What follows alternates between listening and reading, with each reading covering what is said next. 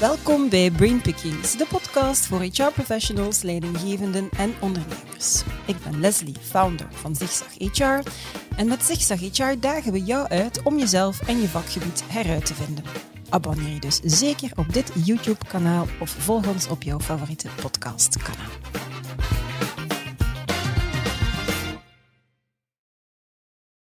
We gaan het in deze podcast hebben over duurzaam ondernemen, sustainability. Het thema dat volgend jaar duidelijk hoger op de agenda komt van organisaties wereldwijd, ook in België. Deels gedreven door wat er in de wereld gebeurt, sterk gestimuleerd door de klanten, medewerkers en andere stakeholders en niet in het minst door Europa, die met een aantal sustainability directives duurzaamheid definitief uit het verdomhoekje van nice to have haalt. Duurzaamheid is heel breed en je kan er ook op heel veel verschillende manieren naar kijken en vandaag doen we dat door de lens van HR. mijn gasten van vandaag weten daar samen ongeveer alles over. Sophie van Breda, partner bij Global Employer Services Deloitte, Nathalie Dom, Senior Manager Human Capital bij Deloitte en Yves van Durme, Human Capital Partner ook bij Deloitte. Welkom. Goedemiddag. Goedemiddag. Goedemiddag. Goedemiddag. Alles goed met jullie? Zeer goed, ja. Hebben we er een beetje zin in? Absoluut. Ah, Zeer veel, ja. Goed. Sustainability, het is een, uh, een thema waar we niet meer uh, omheen kunnen. Uh, vandaag verwachten we dat organisaties niet meer alleen bezig zijn met een financiële kapitaal, maar dat ze ook zorg dragen voor het natuurlijk kapitaal, menselijk kapitaal, dus human capital, sociaal kapitaal. En die beïnvloeden elkaar natuurlijk allemaal onderling. De point of no return is bereikt, hoor ik regelmatig. Waarom is dat thema ook voor HR zo belangrijk, Yves? Uh, verschillende redenen. Ik denk dat een daarvan is de, de medewerkers en vaak hoge verwachtingen van medewerkers die ze daar tegenover hebben, die zich vertaalt in hoe gaan we daarmee omgaan. Ik denk dat dat ook gelinkt is aan niet altijd even hoge verwachting van, van management. En hoe vinden we de brug daartussen? En daar zit een brug naar, naar purpose, die voor medewerkers, voor organisatie belangrijk is. Maar al die verschillende vormen van kapitaal, dat is de rol en interactie tussen management en board, vanuit hoe gaan we resultaten vandaag halen en in de toekomst. En daar zit een vorm van duurzaam presteren, mm -hmm. die er altijd al geweest is, maar die inderdaad, zoals je zelf al zei, door regelgeving gestimuleerd ja. worden.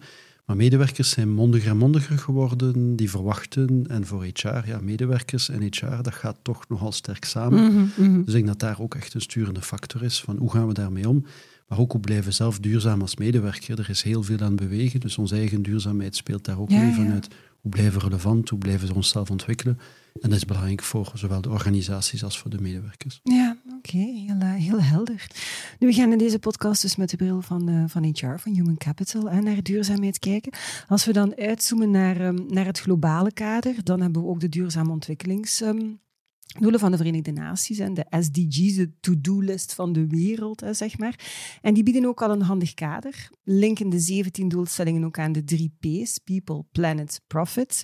Nu zijn we met heel veel termen en heel veel zaken aan het, aan, het, aan het gooien. Misschien wel zinvol om dat eerst eventjes te duiden en toe te lichten.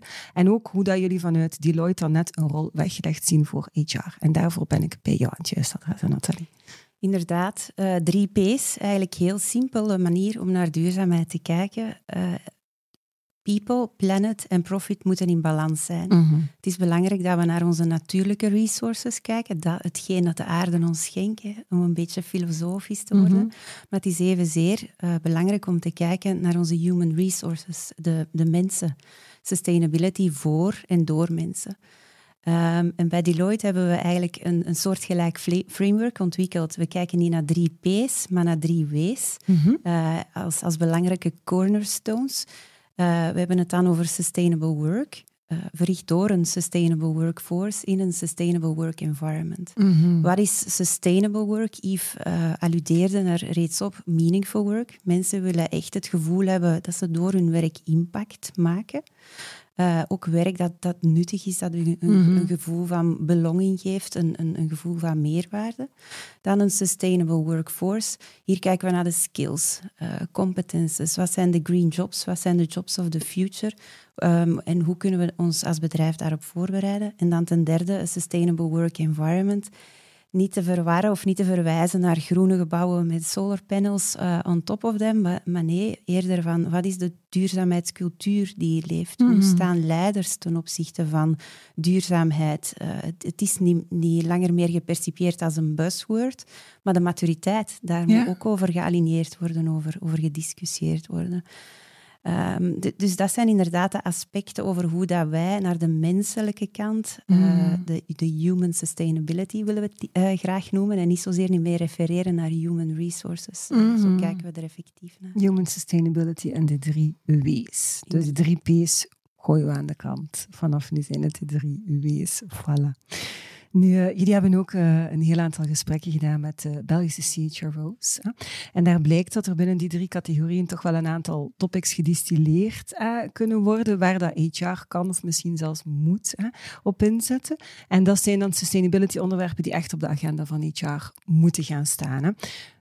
Welke zijn dat? En laat ons die misschien even um, overlopen. Inderdaad, we hebben dus veel gesprekken gehad met CHRO's, maar ook uh, zij die evenzeer de pet van Chief Sustainability Officer... Die de rol combineerden inderdaad. Inderdaad, zij hadden de dubbele rol. En we, we zijn eigenlijk gaan spreken, uh, onze dialoog gaan voeren aan de hand van het kader de drie W's. Um, wat dat zeer erg in het oog sprong, was het thema rond de green skills. Mm -hmm. Typisch uh, wat zijn green skills, technische skills, stemonderwijs? Hè. Typisch denkt men aan ingenieurs, uh, opnieuw refererende naar de zonnepanelen en dergelijke. Maar het gaat duidelijk veel verder dan dat. Um, wat zij zeggen is van we zijn er ons van bewust dat we een team rondom ons moeten bouwen. We hebben sustainability experten nodig, maar daar stopt het niet. Mm -hmm. uh, we hebben uh, een, een, studie uh, evenzeer uitgevoerd waarin dat we een framework ont ontwikkeld hebben, eigenlijk een organizational blueprint, mm -hmm. waarin we zeggen um, het is belangrijk om doorheen uw organisatie te gaan kijken wat zijn nu de skills, de competences, zelfs het gedrag dat we, dat we nodig hebben om te accelereren in, in duurzaamheid. En wat blijkt, uh, de grote gaps zijn niet zozeer daar waar de expertise effectief nodig is, dus niet bij de mhm. sustainability experten, maar eerder in uh, afdelingen zoals operations. We gaan onze, onze zaken anders moeten gaan aanpakken, we gaan ons anders moeten organiseren als we CO2-neutraal willen worden. Een andere gap die geïdentificeerd werd was in finance. U verwees er ook al naar, de CSRD-wetgeving.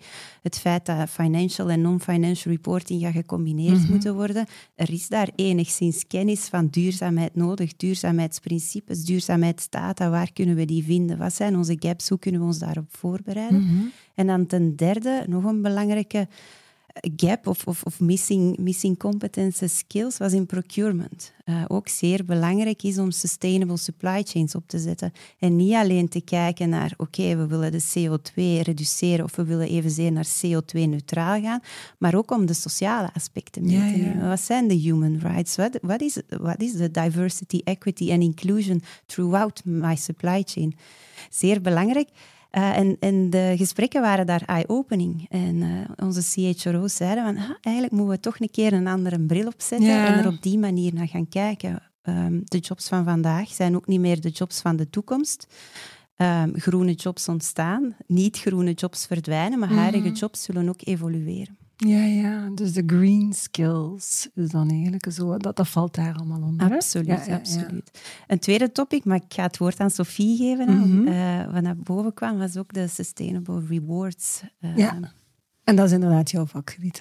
Klopt, ja. klopt. En dat is eigenlijk wat de evoluties die Nathalie net, net uh, schetst, is ja, de vertaalslag, de annihering daarvan met uw rewardbeleid. Ja. Een, echt een belangrijke ook voor HR. Um, ehm, dat gaat van alignering van het reward aan de green jobs, de green skills. We zien ook meer aandacht voor de well-being, het welzijn voor de mhm. werknemers. Hij is ook deel van de, de own workforce uh, uit de CSRD, waar dat toch heel veel focus uh, op is.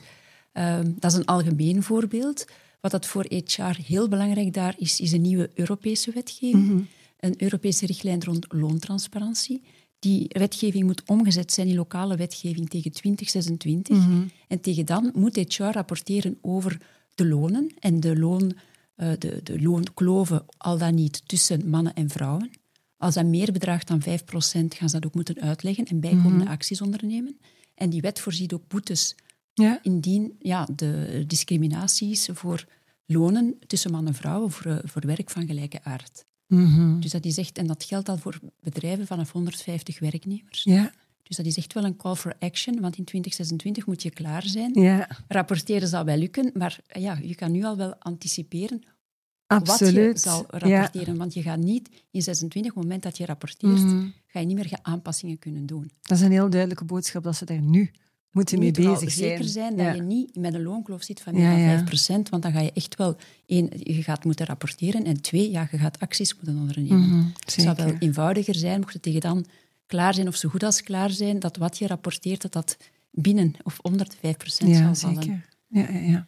Oké, dus dat is het tweede domein dan? Ja, en dan een derde belangrijk domein is, is alles. hè, We spreken nu vooral over eigen werknemers, maar Mhm. de wetgeving, de CSRD en, en andere nieuwe wetgeving gaat ook verder gaan hè, rond de freelancers, maar ook rond de werknemers, de mensen dat je via je aannemers, Ja. onderaannemers te werk stelt. Mhm. Daar moet ook gezorgd worden voor adequaat loon. Daar ga ik nu niet te ver op ingaan, daar hebben Stijn de Meester en eh, ja, eh, Borms eh, in detail ja. op ingezoomd, maar dat is ook een hele belangrijke. Mhm. Dus als we spreken van workforce, is het echt zeer ruim te bekijken en niet enkel de mensen dat ja, in het bedrijf zelf op de payroll staan. Mhm. Dus Oké. gaat, HR gaat wel met een heel open blik moeten, eh, gaan, moeten eh, gaan kijken ja, om mee te blijven met alle ja, wetgeving dat er eh, die op ons afkomt. op hè. ons afkomen. Dat is niet te Ja, min. Oké.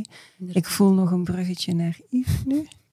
Maar ja, ik denk dat leiderschap daar een kritische gaat in zijn. Ook, Ja. Vanuit Ja. HR hebben we altijd al de rol naar het coachen van leiderschap. Ik hoor heel veel complexiteit. En Mhm. een typisch goed leiderschapteam, of, of ook een minder goed, heeft heel veel meningen. En ik, ik hoor een stuk dingen die klinken als meer compliance, dingen die een stukje meer ambitie zijn. En dat zal denk ik een van de ingevingen zijn vanuit hoe gaan we daarmee om met ons leiderschapteam. Wat is het ambitieniveau? Compliance, meer dan compliance, waarom en hoe? Mhm. En al die verschillende meningen, hoe gaan we dat ook gaan vertalen naar een stukje die verwachting van die medewerkers, waar ik Ja, straks ja. over gehad heb. En Ja. Compliance, compliance zijn of aan de wetgeving voldoen is uiteraard, hè, dat is geen discussie. Mhm. Dat is meestal niet zo aantrekkelijk voor een Nee. medewerker van kom bij ons of blijf bij ons, want wij voldoen aan. Dus ik denk dat die ambitie... Wij doen wat wettelijk moet. Hm. ja, dat klinkt niet zo sexy. Nee. Hè? Dus ik denk dat daar wel een belangrijk element ook zit naar leiderschap. Maar ook het aligneren van leiderschap, van wat is er een prioriteit ook in, omdat het complex ook is, omdat de verwachtingen, die getallen 24, 25, 26, dat geeft soms het idee van je hebt dan wel tijd of geen tijd Mhm. Om daarmee om te gaan. En hoe ga je dan ook dat leiderschap gaan ontwikkelen? Want het zorgt ook voor andere beslissingen. Het evenwicht Ja. tussen wat doen we voor nu, wat doen we voor de toekomst. Het is, de balans is, een, is eigenlijk een makkelijk woord om uit te spreken, maar dat blijft eigenlijk subjectief. Hè? Er is Mhm. geen duidelijke, duidelijke meetschaal van de balans tussen de drie P's, om daar even naar terug te gaan.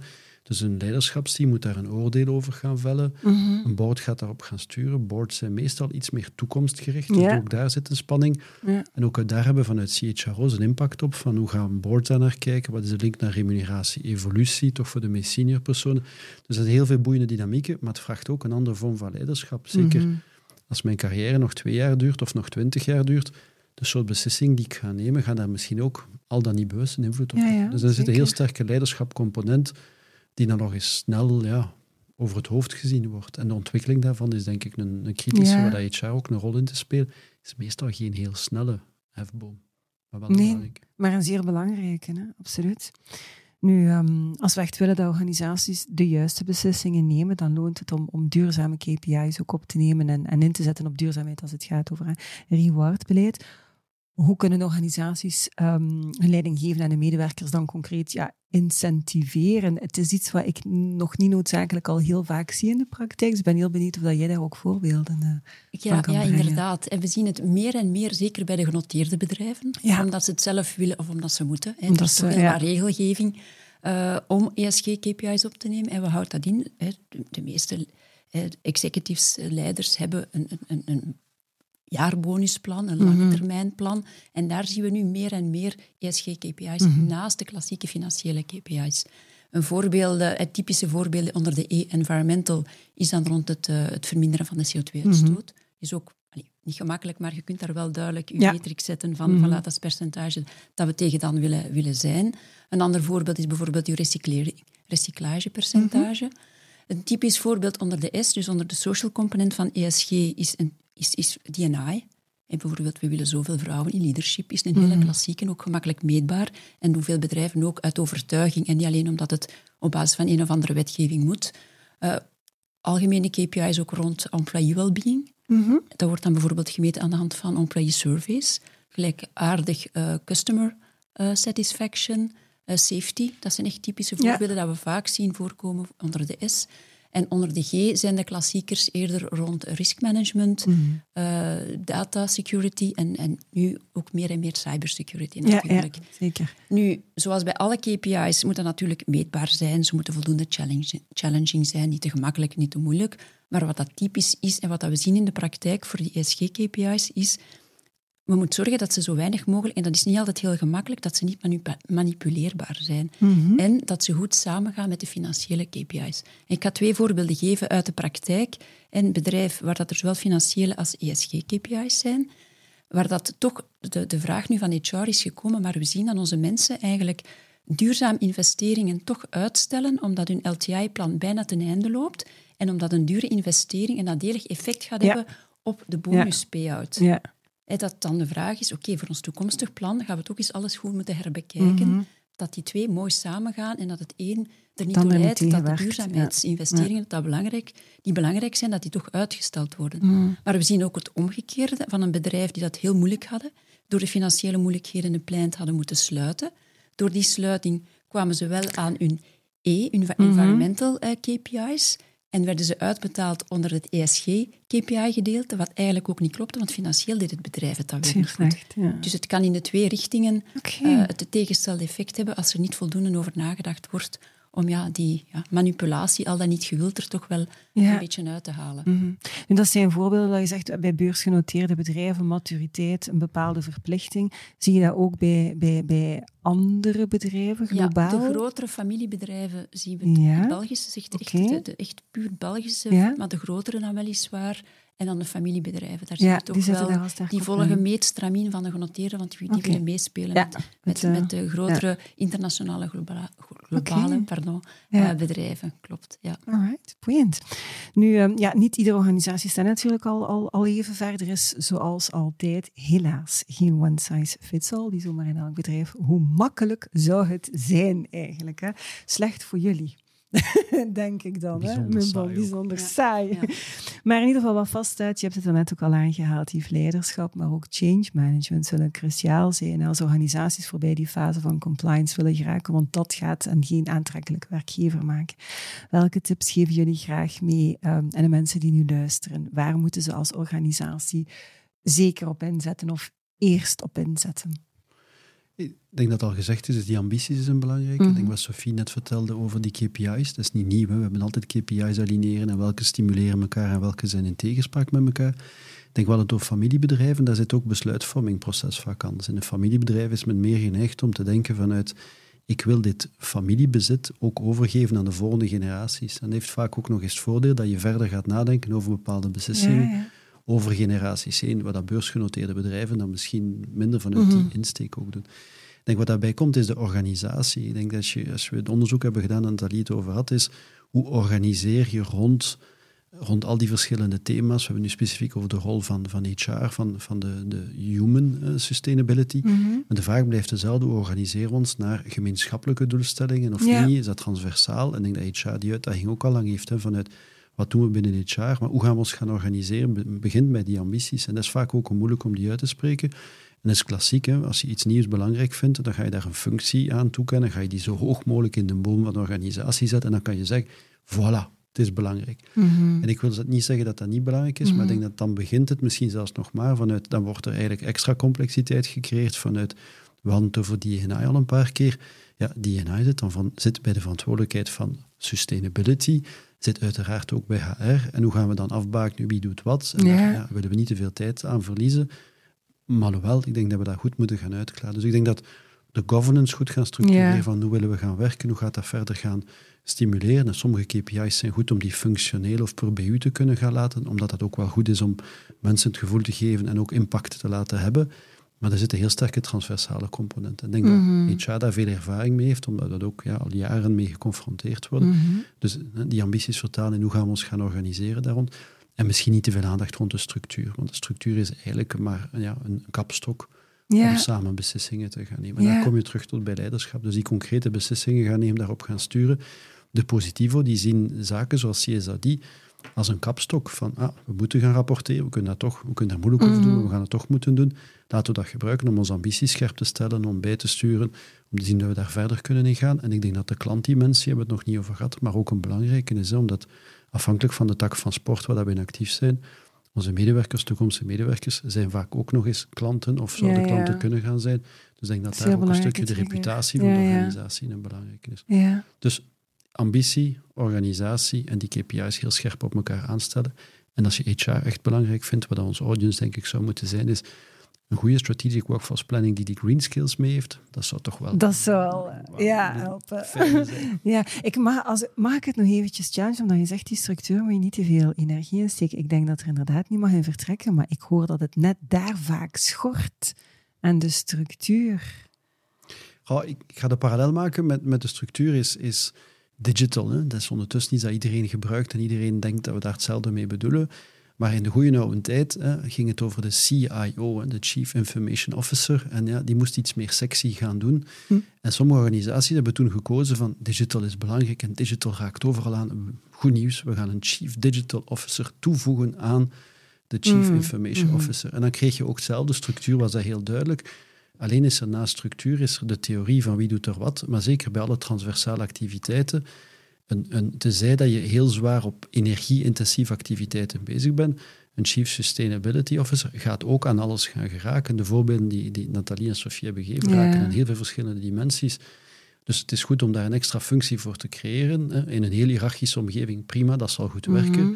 In minder hiërarchische omgeving gaan we toch ook nog met elkaar moeten afspreken. Gaan we mhm. samen moeten moeten samenwerken, gaan we samen moeten afstemmen. Vandaar dat ik zeg, structuur is belangrijk, ja. maar structuur mag geen afleiding zijn voor we gaan heel veel tijd aan structuur gaan spenderen. Het is eerder vanuit die insteek. Okay. En goed leiderschap met slechte structuur, dat werkt ook nog omgekeerd daarentegen. Dat wat moeilijker zijn. Ja. Goed, oké. Ehm, ja, ik denk dat we daarmee aan het einde van de podcast zijn gekomen. Hebben jullie nog een grote wijsheid die jullie de wereld willen insturen? Ik wil misschien nog eindigen met een quote. Ja. Uh, een van de Chief Sustainability Officers, mhm. waar we mee gesproken hadden, had een mooie ambitie. En uh, zij zei, mijn, mijn grootste wens of droom is, als ik op pensioen ga, dat ik niet word vervangen. Want dat zou effectief willen zeggen dat we als bedrijf erin geslaagd zijn om DNA te verankeren in, uh, in, onze, in onze organisatie, in onze cultuur en in het doen en laten van onze medewerkers. Dus even inhaken, Yves, op wat u net zei. Ik denk dat dat mooi is om af te ronden. Zeer zeker. Ik heb er eigenlijk niet veel meer aan toe te voegen. Dank je wel om daarmee uh, de podcast af te ronden. Merci ook voor uh, dit gesprek. Graag gedaan. Dankjewel ook aan jullie om te kijken of om te luisteren. Vond je deze podcast interessant? Vertel dat dan natuurlijk aan zoveel mogelijk mensen. Verder, heb je honger naar meer? Weet dan dat er nog heel veel afleveringen te bekijken of te beluisteren zijn op ons YouTube-kanaal of via jouw favoriete podcast-app. Het allerbelangrijkste, als je dat nu nog niet zou weten, it's a great time to be in HR. Tot de volgende.